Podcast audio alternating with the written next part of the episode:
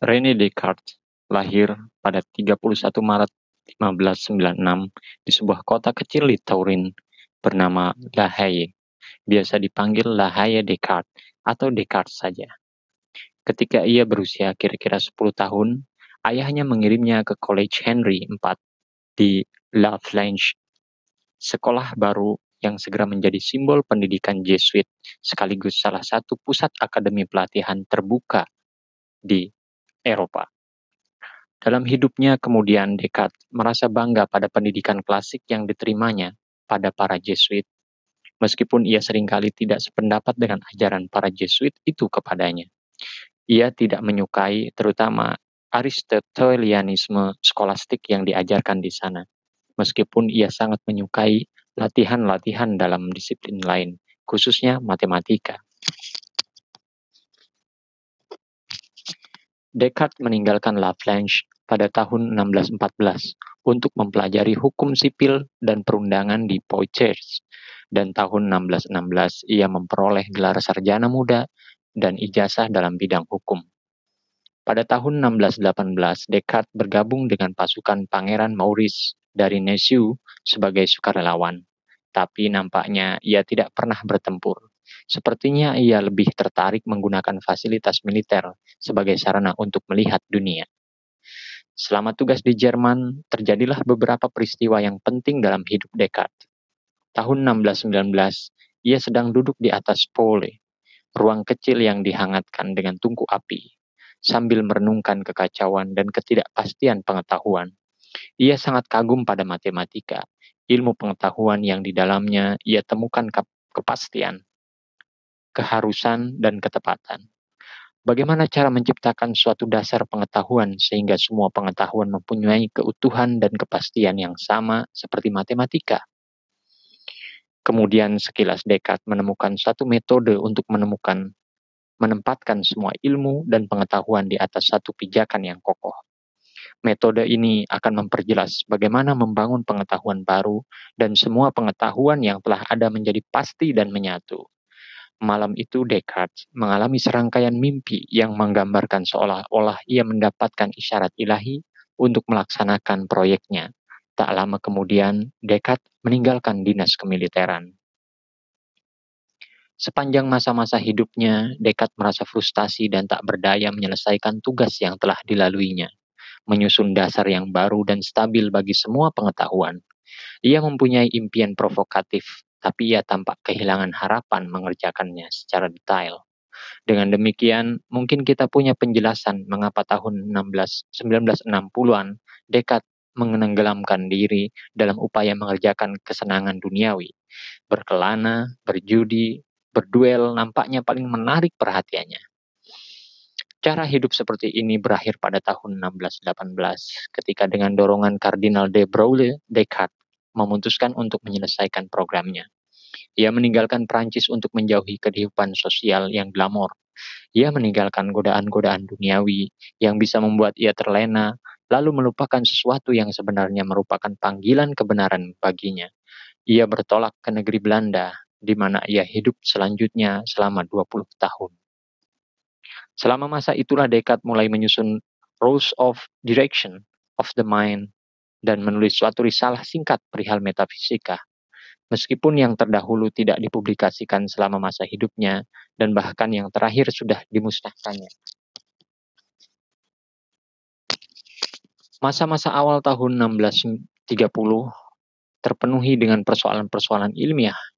Namun Descartes tiba-tiba mengubah rencana-rencana publikasi setelah ia mengetahui pemeriksaan pengadilan Galileo di Roma. Descartes memutuskan filsafat tidak boleh menjadi korban untuk kedua kalinya.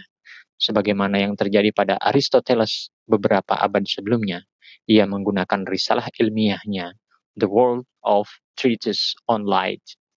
Pada tahun 1637, Descartes mempublikasikan karyanya Discourse on the Method for Conducting One's Reason Rightly and for Searching for Truth in the Science dalam bahasa Perancis, karya ini memperkenalkan tiga risalah sebagai contoh pengetahuan penggunaan metode baru. Suatu topik, satu tentang optik, satu lagi tentang geometri, dan terakhir tentang meteorologi.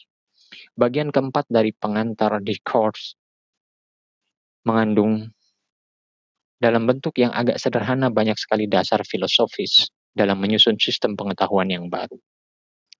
Dalam menjawab pertanyaan-pertanyaan yang muncul, Descartes mempersiapkan pembahasan yang jauh lebih panjang mengenai fondasi filosofis, pandangannya tentang pokok pengetahuan manusia yang utuh dan pasti. Jawaban ini berupa karyanya Meditation on the First Philosophy disempurnakan pada musim semi tahun 1640. Tapi belum dipublikasikan hingga Agustus 1641. Meditation dilampiri dengan serangkaian sanggahan dan pertanyaan yang dikirim oleh pembaca yang telah membaca manuskripnya, ditambah dengan jawaban dekat atas setiap pertanyaan. Periode setelah publikasi Meditation ditandatangani dengan berbagai kontroversi dan polemik.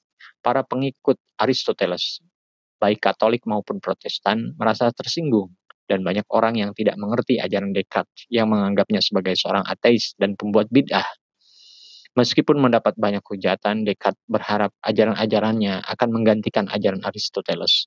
Hingga ini berakhir ia mempublikasikan Principle of Philosophy pada tahun 1644. Sebuah risalah yang terdiri dari empat bagian yang diharapkannya akan menggantikan buku pedoman Aristotelian skolastik yang digunakan di kebanyakan universitas. Karya terakhir yang amat penting yang dipublikasikan selama masa hidupnya adalah Passion of the Soul di dalamnya Descartes banyak mengeksplorasi berbagai topik seperti hubungan antara jiwa dan tubuh, asal-usul emosi, dan peran kehendak dalam mengendalikan emosi. Pada tahun 1649, Ratu Christina dari Swedia menyedi meyakinkan Descartes untuk datang ke Stockholm untuk mengajarinya filsafat. Tapi sepertinya Christina menganggap Descartes lebih sebagai ornamen istana.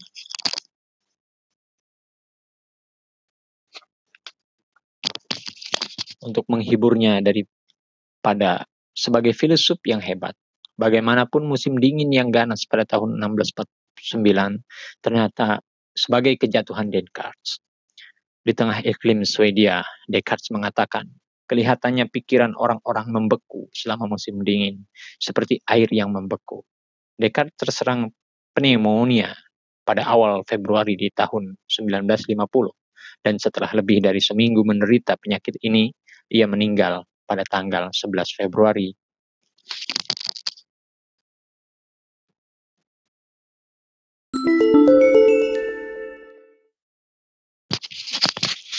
Pendengar, apa yang saya bacakan tadi merupakan pengantar dari sebuah buku fenomenal karya René Descartes, seorang filosof yang dianggap bapak filsafat modern dari Prancis.